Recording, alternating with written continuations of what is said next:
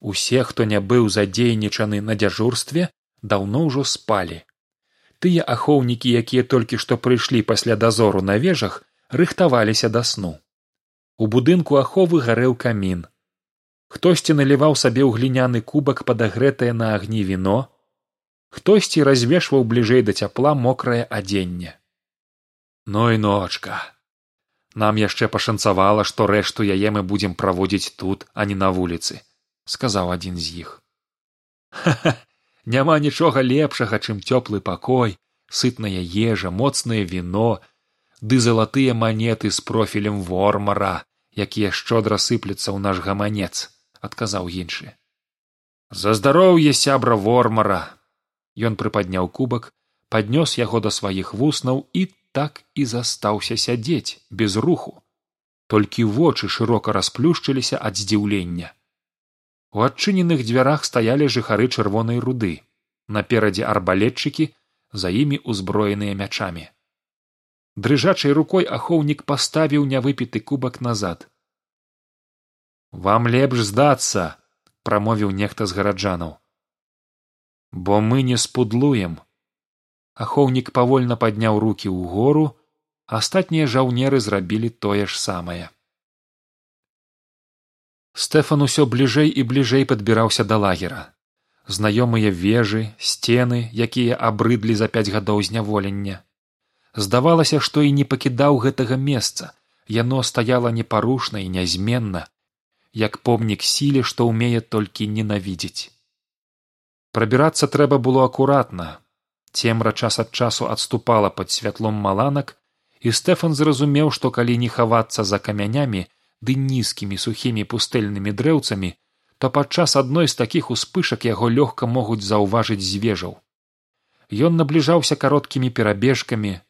Прайшло ўжо даволі шмат часу як палонныя апынуліся ў лагеры і шостага захоўніка трывожыла тое што там усё выглядала вельмі спакойна. Ці перадаў ясь ліст? А калі перадаў то няўжо яны не змогуць нічога зрабіць? Няўжо гэтая задума была сапраўды планам без шанцаў ён пачаў дакараць сябе за тое што адправіў яся ў лагер. Быццам быў пашчу бязлітаснага драпежнага звера. Як толькі цэп выглянуў вонкі яшчэ падымаючыся па прыступках яму ў твар ударыў ледзяны дождж. Вартаўнік паморшчыўся прыкрыў вочы далонню і зрабіўшы некалькі апошніх крокаў па лесвіцы выйшаў на верхнюю пляцоўку вежы. Тую з якой кожны другі дзень ён назіраў за парадкам цемра не давала разгледзець нічога пакуль не бліснула чарговая маланка. Тое што ўбачыў цэп унізе на лагерным двары прымусіла яго застыць на месцы. Ногі сталі ватнымі. Мокры ад дажджу ён тым не менш зразумеў што адразу ўспацеў. Маланка асвяціла наваколле толькі на долю секунды але гэтага было больш чым дастаткова. Яму здалося што ўсё адбываецца ў нейкім запаволеным дзеянні і ён у дробных дэталях заўважыў безліч жахлівых недапушчальных рэчаў. Звязаныя жаўнеры ляжаць у брудзе натоўп зняволеных гараджанаў бяжыць да ўсходняга будынка аховы. Дзверы ўзброенню расчыненыя насцеж. Частка людзей імкліва набліжаецца да турмы. Цэп замарудзіў не ведаючы што рабіць у першую чаргу страляць па бунтаўшчыках ці біць у гонг які быў прымацаваны на верхняй пляцоўцы урэшце ён у два крокі падскочыў да вялізнага меднага гонга і пачаў што моцы ад страху і крыўды малаціць у яго. Гэтага гуку ў лагеры не чулі ўжо даўно. Амаль ніхто ніколі не адважваўся збегчы адсюль. Ахоўнікі па перыметры баракаў у турме на складах і ў будынку начальства пачуўшы нізкі гук схапіліся за зброю. У суседняй вежы мажны цэбар заснуўшы ў байніцы бачыў страшны сон. Яму снілася што ў лагеры б'юць у медны гонг а значыць абвешчаная трывога. Стэфан ужо быў пад самымі сценамі. Ён добра разумеў што азначае гук які разлятаўся на ўсё наваколле якраз з вежы ў яго над галавой. Ягонае сэрца напоўнілі адначасова трывога і радасць. Трывога за сяброў і радасць ад таго што яны ўсё такі паспрабавалі выкарыстаць адзіны шанец вярнуць сабе свабоду. Дзейнічаць трэба было імгненна ад гэтага залежалі жыцці людзей. Ён кінуў пад сцяной свой і ясеў заплечнікі дастаў са свайго скрутак доўгай вяроўкі з некалькімі невялікімі кручкамі якарамі на канцы. Раскруціўшы над галавой дакладным рухам закінуў кошку і пачаў караскацца слізкія камяні запавольвалі ягоны пад'ём але яшчэ не скончыў гудзець гонг як стэфан далез даверху гэтыя лагерныя сцены ён памятаў добра. Наверсе па ўсім перыметры быццам іклы дракона былі ўмураваныя вялікія вострыя як лязо кавалкі празрыстых камянёў якія называліся горны лёд калісьці яны пакінулі адзнаку на ягоным перадплеччы доўгі да самай далоні шнар стэфан падцягнуўся узлез на сцяну і асцярожна намацваючы шлях нагой каб не напароцца на зубцы стаў набліжацца да вежы. Калі маланка ў чарговы раз зрабіла відочным наваколле ён убачыў што вартаўнік які перастаў ужо біць у гонг цэліцца са свайго арбалета кудысьці ўніз у двор лагера. Святло знікла і праз імгненне стэфан пачуў як арбалет хвостка запусціў стралу ён стрымгалоў кінуўся да вежы. Унізе ж у двары тамаш зычным голасам падбадзёрваў гараджанаў якія разгублена спыніліся пасля таго як пачулі сігнал трывогі. Засталося не так шмат! Наперад браты! Язь і яшчэ некалькі чалавек стаялі каля старэйшыны. Тамаш павярнуўся да аднаго з сяброў нешта сказаў але словы заглушыў гром адразу пасля гэтага старэйшына пачуў як зусім блізка ў цемры прасвістала страла. З непрыемным да млосці гукам яна патрапіла ў кагосьці якраз там дзе стаяў язь чыёсьці цела ўпала на зямлю. Сігнал трывогі пачулі ў бараках дзе спалі зняволеныя. Змарнелыя ад непасільнай працы людзі што ляжалі на нарах тут і там прыпадымалі галовы трывожна ўслухоўваючыся ў нізкі цяжкі гук некаторыя разгублена прыселі на цвёрдых насцілах з дошак бальшыня працягвала спаць. У жаночым бараку адна з дзяўчат паднялася і скіравалася да дзвярэй. Рут ты што робіш? Ты гэта куды аклікнула яе жанчына якая была ў гэты дзень дзяжурнай. Няўжо вы не чуеце? Ад нас тут нічога не залежыць. Памяшканне пакідаць забаронена незадаволена сказала жанчына праблемы будуць не толькі ў цябе але і ва ўсіх нас. Там нешта адбываецца усхвалявана сказала рут. Гэта проста навальніца не рабіце выгляду што вы нічога не чуеце там нешта важнае не даўшы запярэчыць рут рэзка адчыніла дзверы гэта было дзіўна але навокал не аказалася вартаўнікоў яна прыгледзелася і ўбачыла як далёка наперадзе знікаюць кропачкі паходняў значыць вартаўнікі бягуць да лагернай брамы. Рут таропка выскачыла вонкі і не зважаючы на воклічы дзяжурнай і рванула ў цемру. Яна бегла наперад пакуль не трапіла на вялікі лагерны пляц. Далей пайшла асцярожным ціхім крокам. Ахоўнікаў нідзе не было. Яна прайшла яшчэ далей і нечакана ўбачыла паласу святла у прыадчыненых дзвярах збройні. Перамагаючы страх рут наблізілася да будынка і штурхнула дзверы. Унутры нікога не было.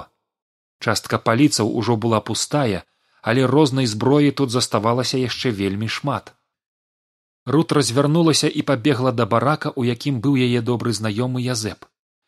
Барак быў ужо адчынены і хтосьці з вязняў выглядваў вонкі. Язэп крыкнула рут убягаючы ўнутр. Вартаўнікоў няма! Пачуўшы яе словы людзі паўскоквалі з нараў. Спакойна прагрымеў басам язэп барадаты высокі мужчына. Рут ты ўпэўненая? Так вы чулі сігнал трывогі? Чулі! Відаць штосьці там не так з новымі вязнямі. Я бачыла як ахоўнікі беглі да брамы зняволеныя пераглянуліся. Браты вельмі спакойна прамовіў язэп настолькі спакойна што гэта выдавала ўсё яго хваляванне. Гэта наш шанец. Але ў нас няма зброі запярэчыў нехта. Эх мне б зараз да хаты ціха сказаў язэп паглядзеўшы на руд чаго чаго а зброі там хапала. Да і на складзе некалькі бочачак з порахам было прыхавана. Шкада не скарыстаўся. Ты нічога пра порах не казаў шэптам адказала яна здзівіўшыся. Не было нагоды прабач. Зброя ў нас будзе раптам гучна сказала рут так каб пачулі ўсе. Язэп з недаверам глянуў на яе. Тут у будынку недалёка ну што усклікнуў язэп. Цяпер альбо ніколі цяпер ідзем! Свабоду закрычалі вязні язэп аддаў загад падымаць іншыя баракі і схіліўся да рут хопіць на ўсіх. Так яшчэ застанецца. Цэп не ведаў ці трапным быў ягоны стрэл. У цемры і шуме буры пры патушаных моцным вятрыскам паходнях што звычайна асвятлялі тэрыторыю лагера з вышыні сценаў ён спадзяваўся толькі на тое што пачуўшы ягоны гонг вартавыя ўнізе змогуць спыніць бунтаўшчыкоў Ён таропка дрыжачымі рукамі зараджаў арбалет, цеціва ўсё ніяк не паддавалася, але ўрэшце зброя была гатовая да чарговага стрэлу. Цэп прыставіў арбалет да пляча і скіраваў яго туды ж, куды цэліў мінулым разам. Страляць наўгад ён не хацеў, таму вырашыў дачакацца бліскавіцы, каб паспець намеціць сабе мішень. Прыцэліўшыся ў пустэчу, ён раптам пачуў каля сябе незразумелы рух. Цэп павярнуў галаву. У гэты ж момант зноў бліснула маланка і ў яе святле проста перад сабой ён убачыў чужы твар. Ад нечаканасці вартаўнік закрычаў. Руки таргануліся спусцілі курок арбалета і цэп зразумеў што страла паляцела зусім не ўніз у лагерны двор а кудысьці ў бок суседняй вежы. Стэфан убачыўшы спалоханы твар ахоўніка і зброю ў ягоных руках не вагаючыся што было моцы ударыў знізу ў сківіцу. Вартаўнік адляцеў бухнуўся галавой у тоўстую медзь гонга і страціў прытомнасць. Колькі імгненняў да гэтага заспаны і ап'янелы цэбр чапляючыся за прыступкі выбег наверх сваёй вежы. Ён ужо зразумеў што ягоны страшны сон сном не быў цяжка сапучы ён імкнуўся разгледзець што робіцца там унізе. Разабрацца было складана. Цемры бачыліся толькі невыразныя абрысы і чуліся незразумелыя выгукі. Цэбр сабраўся зняць з пляча свой арбалет але ў гэты момант адчуў як трохі ніжэй за спіну у яго балюча ўваткнулася страла.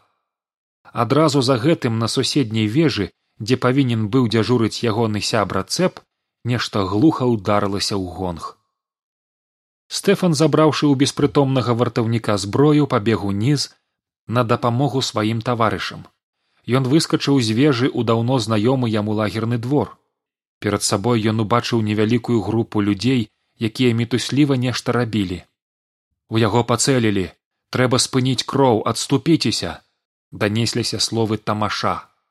Стэфан пабег на голас старэйшы нахіліўся над целам і адарваўшы шматок ад свайго адзення перавязваў камусьці рану.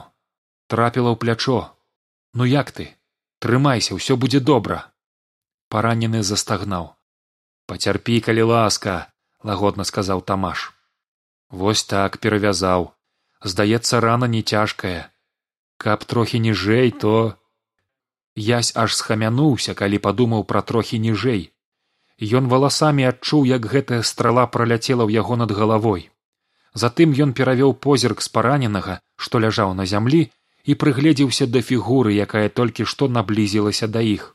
У святле маланкі ён пазнаў знаёмую постаць.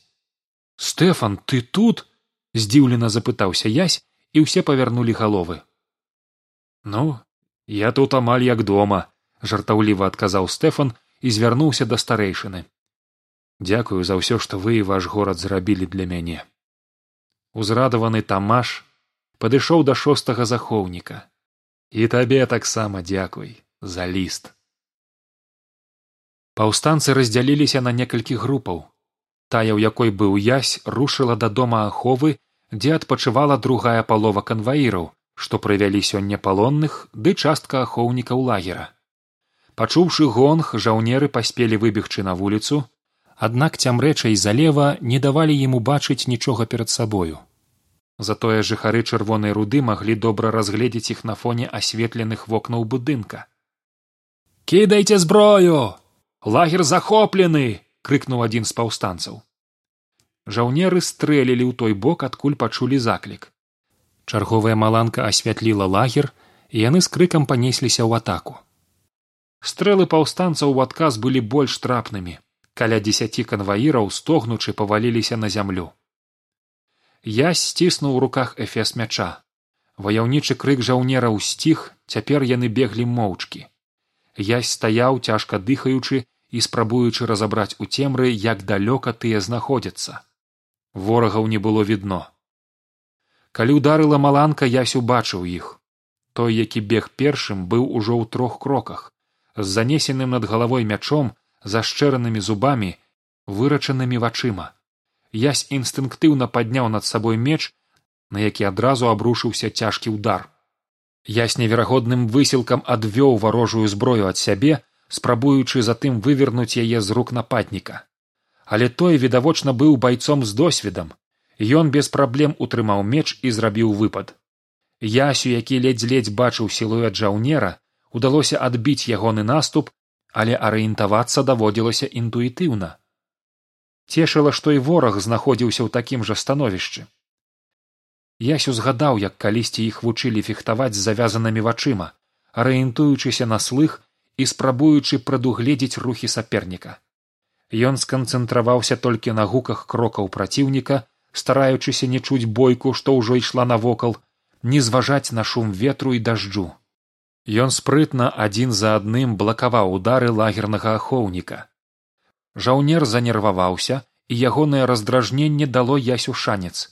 Калі ахоўнік замест чарговага ўдару секануў толькі паветра і страціў раўнавагу, язь зрабіў рэзкі выпад наперад і пацэліў ворагу ў раменніцу ахоўнік вохнуў выпусціў зброю і паваліўся на бок язь кінуўся на дапамогу сваім маланкі раз пораз асвятлялі поле бітвы і ён пабачыў што жаўнераў было значна больш паўстанцы адчайна супраціўляліся звінела сталь чуліся ўскрыкі хтосьці падаў на мокрую зямлю перад ясем узніклі ажно двое ворагаў і пачалі атакаваць Ён адбіваўся з усіх сілаў, але адчуваў, што ў любое імгненне можа прапусціць пагібельны ўдар. Бакавым зрокам ён заўважыў, што ахоўнікі бяруць паўстанцаў у кола.